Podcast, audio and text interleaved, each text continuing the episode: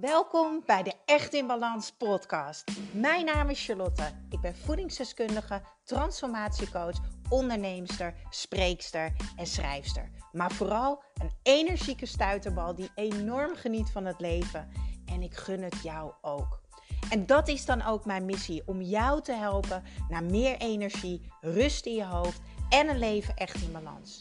Ik neem je mee in mijn dagelijkse routines, mijn persoonlijke reis naar de echte ik en mijn ondernemersavontuur. Maak je klaar voor een dosis positieve energie. Zo, goedemorgen op deze Blue Monday. Het is vandaag, uh, moet even denken, 18 januari 2021. En ik kies ook wel weer de meest deprimerende dag uit van het jaar om jullie ja, te gaan vertellen dat mijn hartje is gebroken. Ik denk dat we allemaal wel eens intens liefdesverdriet hebben gehad. De een misschien heel vaak, de ander misschien maar één keer. En misschien zijn er ook mensen die het nooit hebben gehad. Oh, als ik daar denk, dan ben ik wel een beetje jaloers ergens. Maar goed. Helaas uh, behoor ik tot uh, de groep uh, die het vaker heeft gehad. Zover ik mij kan herinneren is dit, ja, ik denk de zesde keer. Ik ben nu 33, de zesde keer dat mijn hart in duizend stukjes ligt. Dat ik intense liefdesverdriet heb. Ja, en dat is intens. En degene die nu luistert en weet hoe liefdesverdriet voelt, die weet ook dat je dan een periode nodig hebt om daar even overheen te komen, om te helen. Deze aflevering is echt heel persoonlijk. Het is een vervolg van wat ik al in eerdere afleveringen heb verteld. Uh, ik ben een beetje schor, lieve mensen. Dat komt door de vermoeidheid.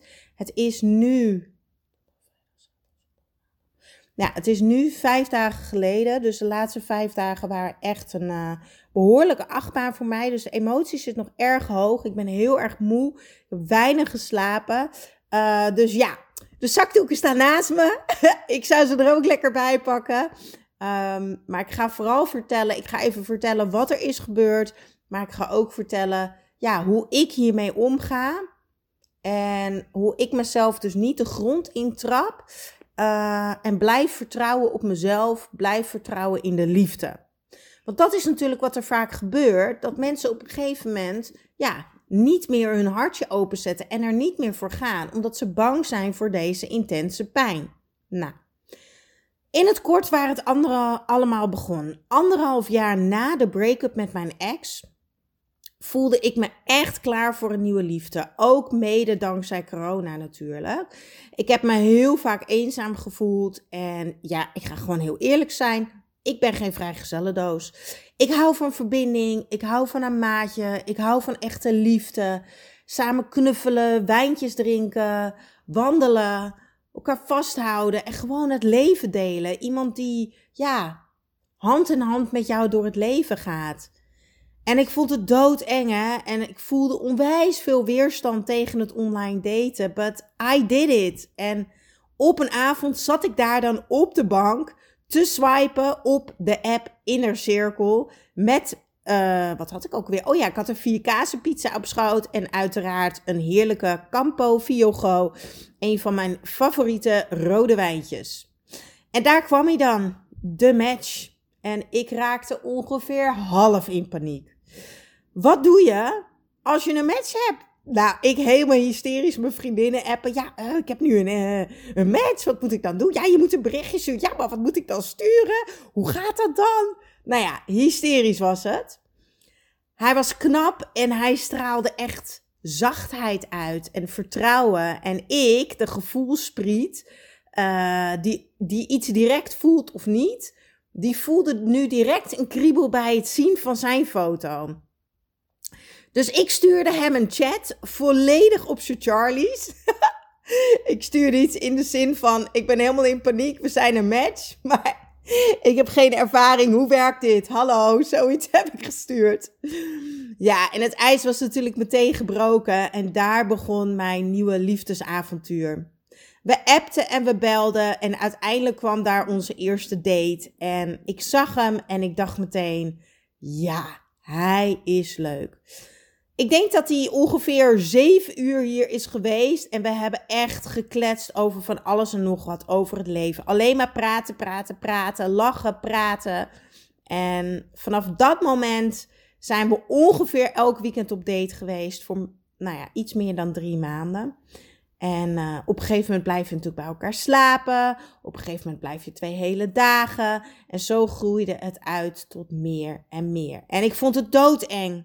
Want hij kwam dichterbij. En ja, ik had wel geleerd. Vanaf het eerste moment ben ik heel open en eerlijk geweest. Dus ik sprak al mijn gevoelens uit. En ik zei heel erg van: hey, dit is wat ik nu voel. En hoe sta jij daarin? En dat maakte deze nou ja, ik noem het toch maar even een relatie, voor mij echt next level vergeleken met wat ik hiervoor altijd heb gehad. Omdat ik heb mezelf altijd volledig weggecijferd bij mannen. Uh, omdat ik mezelf nooit goed genoeg vond. En ik was echt een pleaser. Ik wilde dat zij mij leuk vonden. Dus ik deed ook heel vaak wat hun leuk vonden. En dat vond ik ook allemaal best. Maar ik volgde dus niet mijn eigen diepe verlangen. En dat deed ik nu wel. En daar ben ik heel trots op. En als ik dan van die niet helpende gedachten had in mijn hoofd, ja, dan gooide ik ze gewoon op tafel. En dan dacht ik, ja, huppakee, doorbreken die handel. En hij vond het super fijn dat ik zo open en eerlijk was. En hij was altijd zo lief. Hij pakte me altijd vast. En hij zei: Maak je niet druk. Het komt goed. En ik begon gewoon elke week meer te geloven. Elke week was Elk weekend was intens samen. We hadden intense gesprekken. We zoenden intens. We lagen intens te vrijen, intens te knuffelen. Ik kan het niet uitleggen. Het was, was echt. Ja, het spatte er gewoon af. Het was zo intens. Het was zo fijn. Het voelde zo goed. Echt in het moment. In het hier en nu. En het was voor mij een bijzonder nieuw soort liefde. Ik was helemaal mezelf. Ik kon alles zeggen. En ja, het voelde als een bepaald rustpunt. Het voelde als een sterke, rustige boom die naast me stond in het leven. En we vierden kerst. En oh, jongens, jongens, ik was toch een partijtje de gelukkigste op aarde. En ik vertelde hem, ik ben verliefd. En weet je, ik checkte ook echt met hem. Goh, ik wil echt even weten, staat onze neus nog steeds dezelfde richting op? En dan zei hij, ja, maak je niet druk. Maar na kerst werd het minder. En dat zie ik nu achteraf. We zagen elkaar nog steeds elk weekend. En elk weekend was nog steeds fantastisch en intens. Maar door de week spraken we elkaar minder. Er waren minder appjes, waren minder belletjes. Maar hij was ook super druk. En als mede-ondernemer begreep ik dat natuurlijk als geen ander. Vorig weekend was hij bij mij hier in uh, Wormerveer. En uh, ja, ook hier weer. Ik heb zo intens genoten.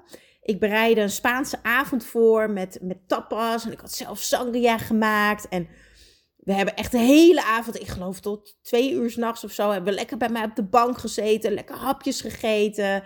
Uh, kletsen over ja, dingen die we hebben meegemaakt, maar ook dingen die we nog in de toekomst wilden. Uh, natuurlijk zoenen en knuffelen en, en lachen met z'n tweeën.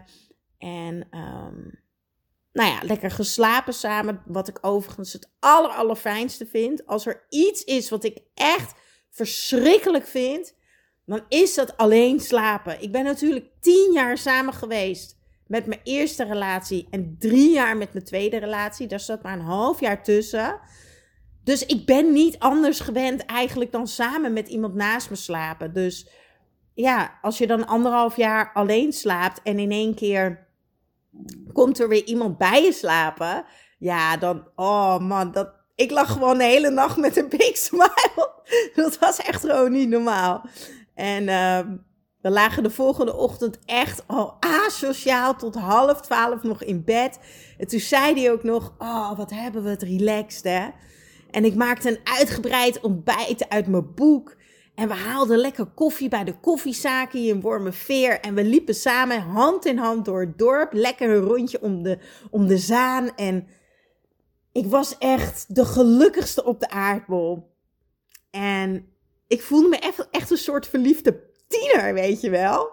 En uh, dan stonden we daar te zoenen aan de zalen. Stond ik dan hand in hand. En ik dacht echt alleen maar, ja, ik wil lekker met jou pronken, weet je wel.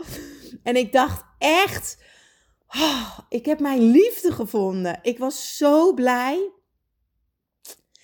En dat was ook de allerlaatste keer dat wij samen waren.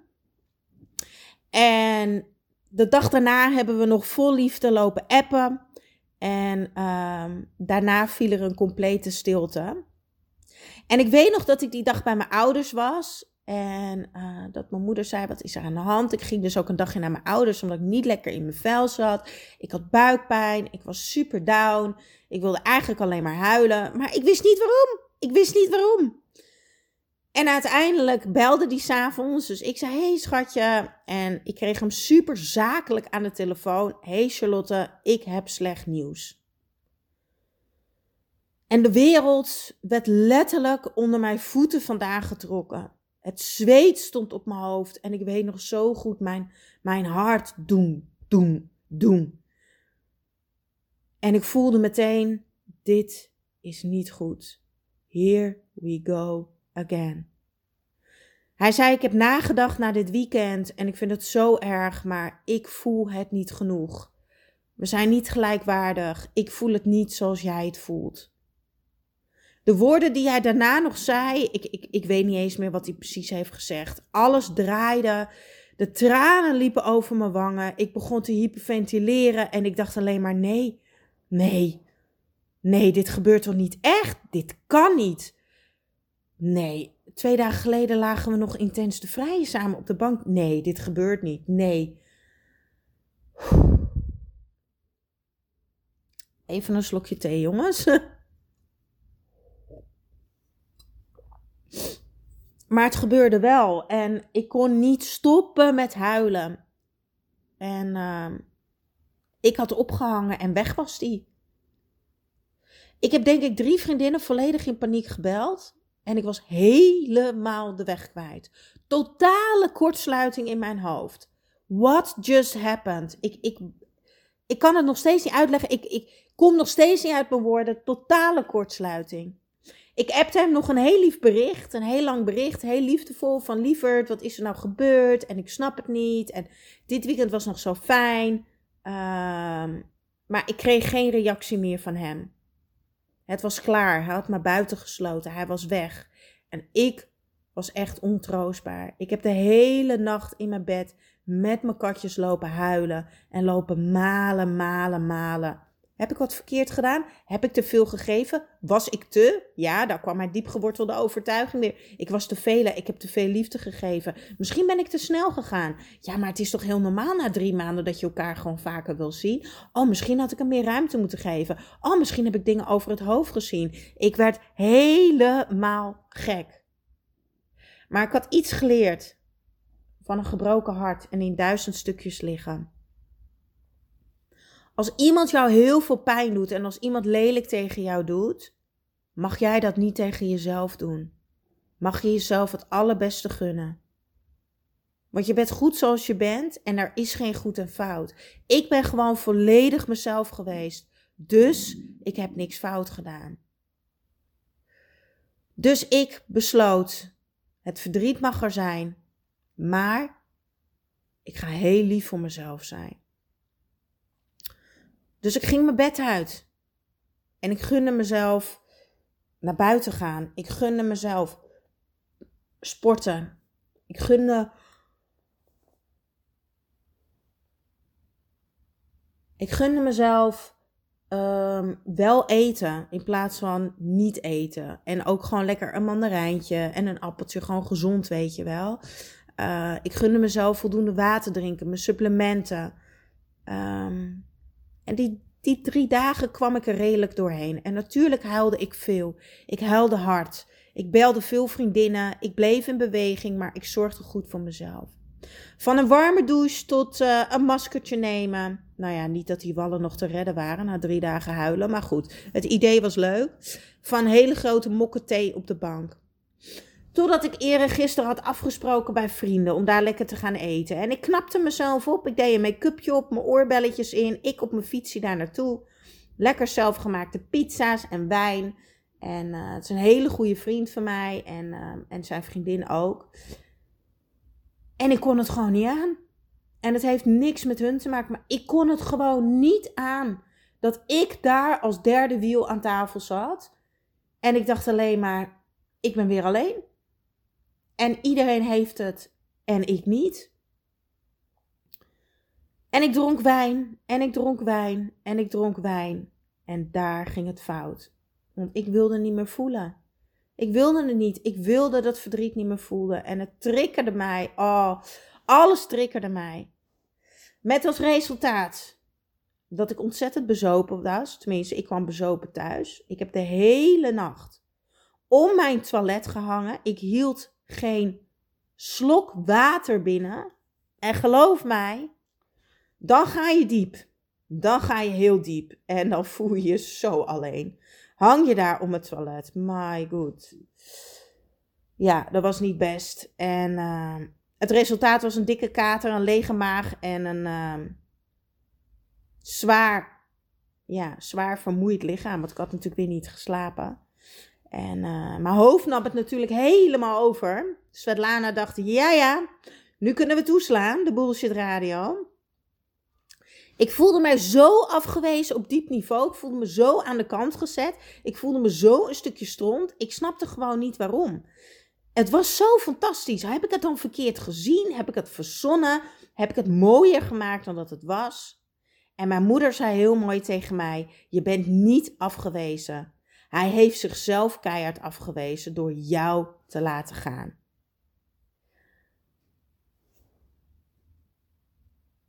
En ik dacht, ja, zoals ik al zei, ik was gegroeid. En ik had meer zelfliefde en ik mag er zijn en ik heb mezelf niet weggecijferd. Hij zei ook altijd tegen mij, jij bent de jackpot. Huh? En dan zei ik, jackpot? Zei hij, alsof je dat niet weet. Uh, nou nee.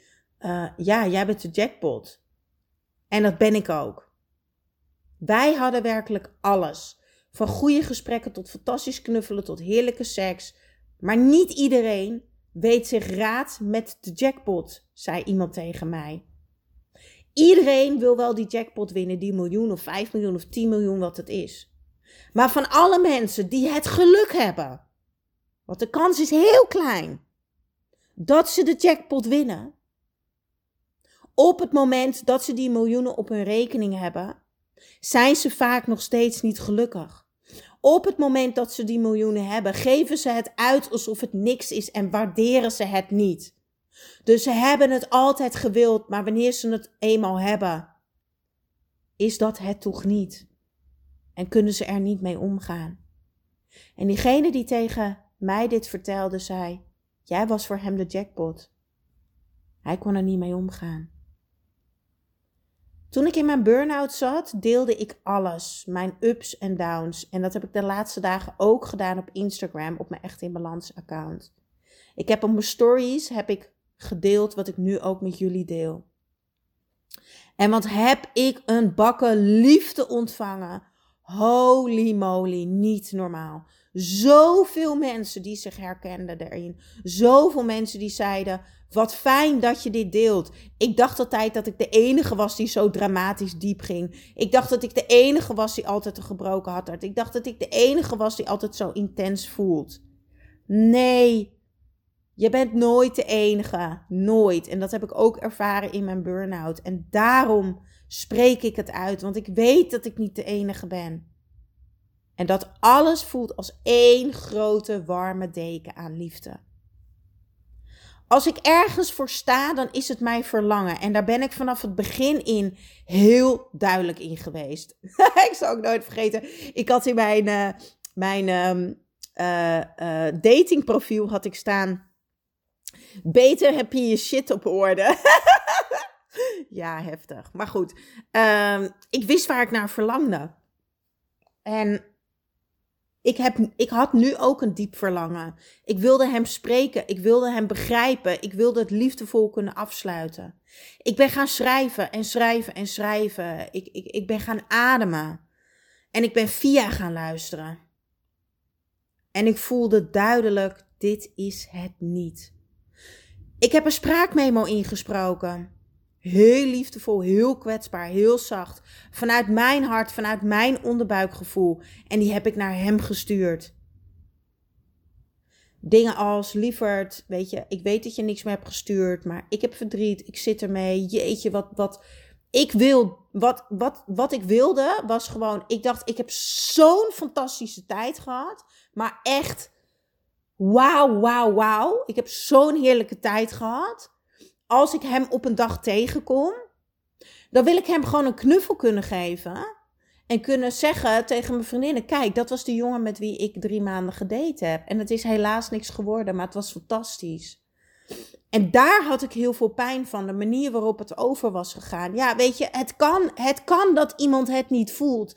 Rete kut, maar dat kan. Dus ik stuurde dat naar hem en ik dacht, wat is het ergste wat kan gebeuren? Eén, hij reageert nooit, dan is het echt een lul. Dan wordt het misschien iets makkelijker om over hem heen te komen. Twee, hij reageert wel. En het wordt voor mij draaglijker en ik kan het beter een plek geven. En het werd nummer twee. Hij reageerde. En hoe? En daar voelde ik heel, heel duidelijk weer de man met wie ik drie maanden intens was geweest. Hij waardeerde mijn berichtje enorm en we raakten aan de praat. En ja, het is een lang verhaal, maar heel kort. Hij is er niet klaar voor. En hij voelt dat zo. En hij heeft al tien keer gezegd: het heeft niks met jou te maken. Jij schiet helemaal nergens tekort. Ik dacht dat ik er weer klaar voor was. Daarom ben ik gaan daten. En nu komt het dichtbij en ik ben er gewoon niet klaar voor. Ik voel het niet zoals jij het voelt. Ik voel niet van ik wil er helemaal voor gaan en noem het allemaal maar op. Ik, ik, het gaat niet. Helemaal ruk natuurlijk. Maar ik snap het wel. Ik snap dat dat kan. Ik snap niet waarom het mij weer overkomt. Weet je, op, op, op diep, diep niveau mag ik gewoon vertrouwen dat het niet aan mij ligt. Maar oh, liefde, jongens. Oh. Ik ben gebroken. Weet je, ik ben een duiker en ik stel me altijd kwetsbaar op en ik ga er altijd vol voor. En dat zal ik ook altijd blijven doen. Dat is wie ik ben. Ik heb zoveel liefde te geven. En die deur, die deur ga ik gewoon nooit op slot doen. En dat moet je ook helemaal niet willen. Weet je, heel veel mensen gaan niet eens meer de hoort op, gaan niet eens meer daten, omdat ze bang zijn voor dit waar ik nu doorheen ga. Maar ik vergeet nooit meer dat mijn coach zei: het leven is pijn. Zonder pijn geen intense, gelukkige, blije momenten. Weet je, leef in het moment. En dat heb ik gedaan. En ik ben dankbaar. Ik ben dankbaar dat ik hem nog gesproken heb. Ik ben dankbaar dat er zo'n fijn mens in mijn leven is gekomen. Ik ben dankbaar dat hij mij een fijne dateervaring heeft gegeven. Ik ben dankbaar uh, dat ik dit heb mogen ervaren. Ik heb nergens spijt van 0,0. En ja, ik ben intens, intens verdrietig dat ik hem kwijt ben. En dat het mij nog niet gegund was. Maar hij kwam ook op mijn pad. Dus dat betekent dat er ook weer iemand anders, wanneer ik daar klaar voor ben, op mijn pad kan komen. Ik ga de komende tijd heel goed voor mezelf zorgen. En wie weet, komt er dan vanzelf weer iemand. Als iemand het briljante medicijn weet tegen liefdesverdriet, stuur me alsjeblieft een berichtje. Uh, I need it. Nee, het medicijn is natuurlijk zelfliefde. En uh, dat is wat ik ga doen. Nummer één prioriteit is altijd heel erg goed voor jezelf zorgen. En uh, in dit geval onderdompelen in mijn eigen liefde. En dat ga ik doen. Dankjewel dat ik dit met jullie mocht delen.